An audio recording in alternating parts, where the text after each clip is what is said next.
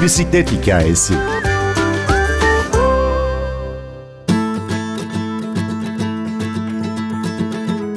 Bisiklet polosunun ne olduğunu merak edip Bike Polo İstanbul kurucularından Can Özalp'le sohbete başladık ve neler konuşmadık ki? Fixie bisikletten Velodrom ve Critical Mass'e küçük bir bisiklet sözlüğü sizleri bekliyor.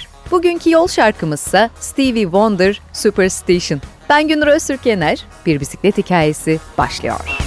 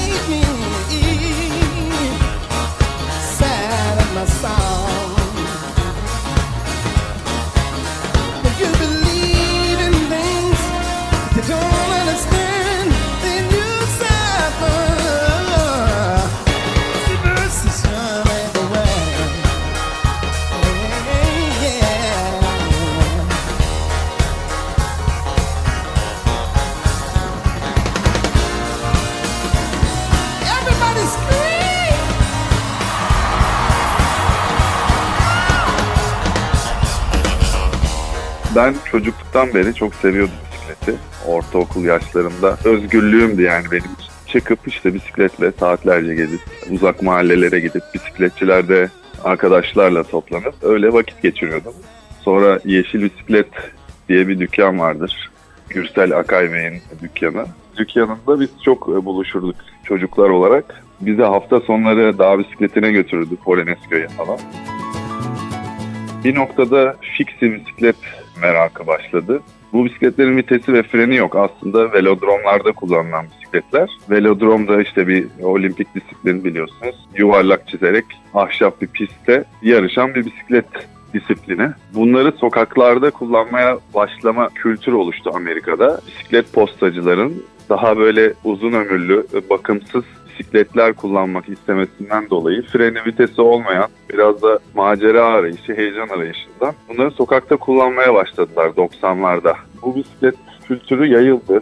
Daha çok alternatif tipler bunu böyle kullanıyor diyebiliriz. Atletizmle, bisiklet sporunla ilgilenen insanlar bunu daha çok antrenman olarak kullanır. Sokakta kullanmaz. Ama bu alternatif tayfa yani bisiklet postacıları bunu sokaklarda kullanmaya başladılar. Yayıldı kültür. Biz de yani çok sonraları tabii Türkiye'de hiç kimse kullanmazdı. 2010 yıllarında falan işte birkaç kişi de vardı bu bisiklet böyle sokaklarda görüyordum arası. Sonra ben de merak saldım. Bir tane aldım kendime. Yurt dışından getirdim tabii. Türkiye'de o tip bisikletler yoktu.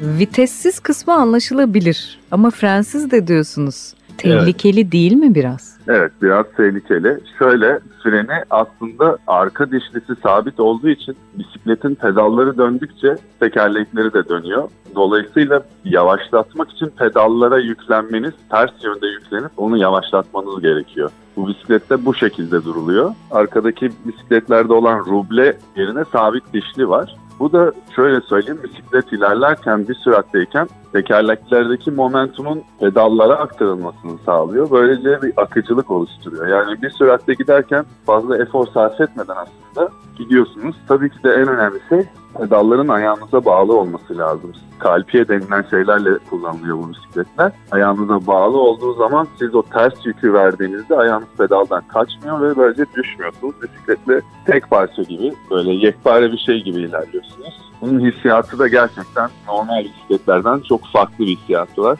Dediğim gibi o akışı yolda giderken bir sürate vardıktan sonraki hissiyatınız çok sıra dışı güzel bir his.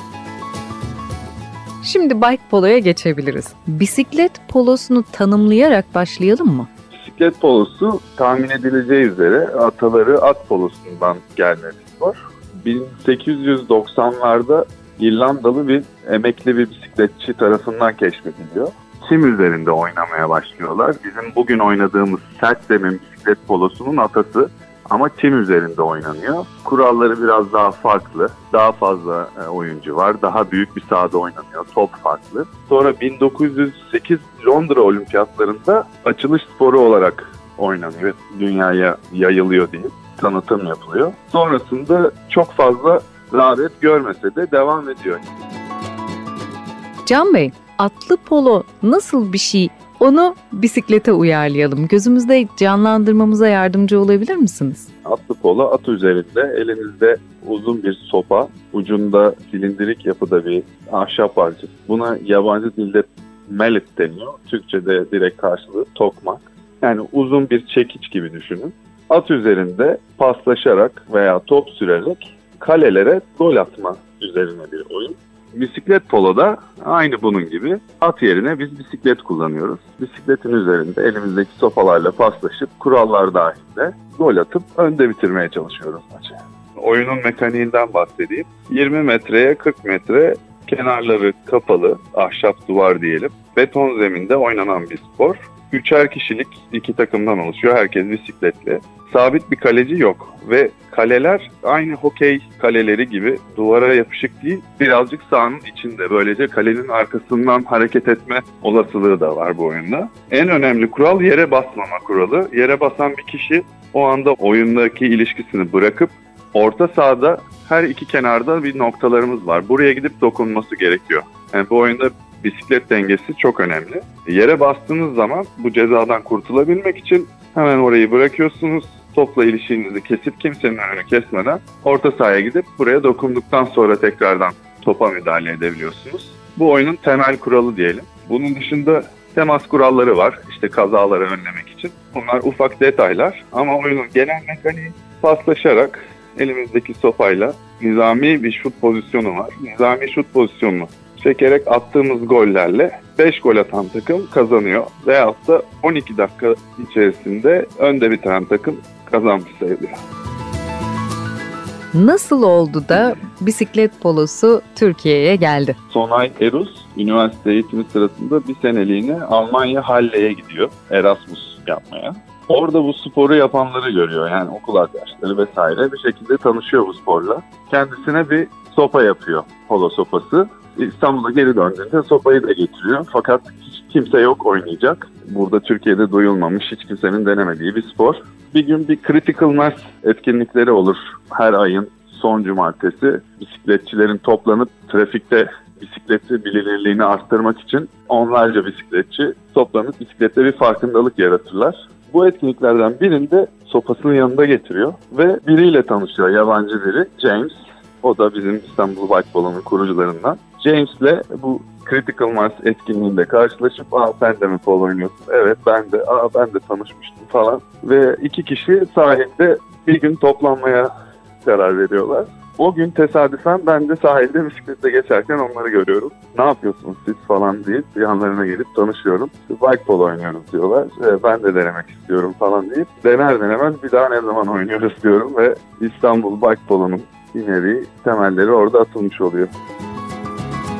Size katılmak isteyenler ne yapmalı? Bize katılmak isteyenler her cumartesi günü Fenerbahçe Parkı girişinde basket kortları var. Biz orada her cumartesi toplanmaya çalışıyoruz. Hava müsait ettiği sürece. Yani denemek, görmek, nasıl bir şey olduğunu görmek için Bile gelebilirsiniz hiçbir şekilde çekinmeden. Çok güzel bir bisiklet kültürü ortamımız var diyebilirim. Gelen herkes bisiklet meraklısı. Oynamasanız bile gelip güzel vakit geçirebilir. Bisiklet muhabbetleri edebilir. Müzik eşliğinde bike polo izleyebilir insanlar. Can Özalp anlatıyordu.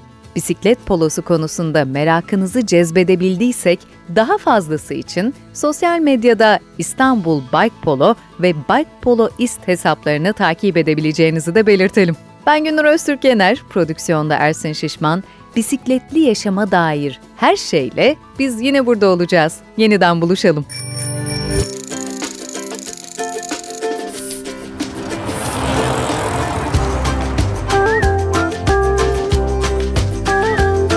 Bir bisiklet hikayesi.